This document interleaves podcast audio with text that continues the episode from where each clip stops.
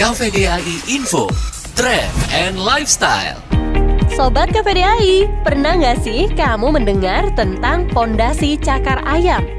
Nah, kalau kamu kuliahnya jadi anak teknik dan sedang bekerja di bidang konstruksi bangunan, atau mungkin kamu lagi dalam proses membangun rumah idaman kamu, pasti cukup familiar dong dengan jenis pondasi yang satu ini. Pondasi cakar ayam adalah salah satu jenis pondasi hasil karya anak bangsa yang ditemukan oleh Profesor Dr. Insinyur Sediatmo pada tahun 1961.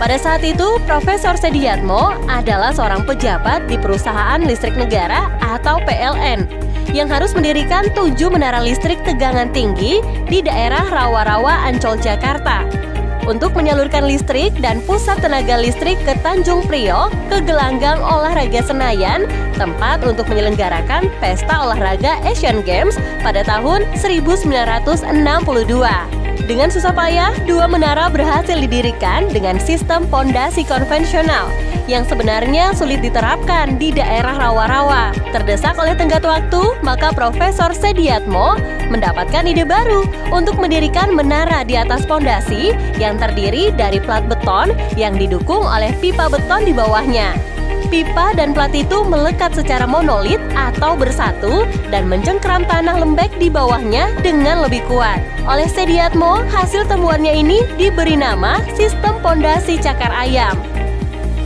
Ada banyak bangunan yang sudah menggunakan sistem ciptaan Profesor Sediatmo, seperti ratusan menara PLN tegangan tinggi, hanggar pesawat terbang di Jakarta dan Surabaya, jalan akses fluid Cengkareng, dan masih banyak lagi.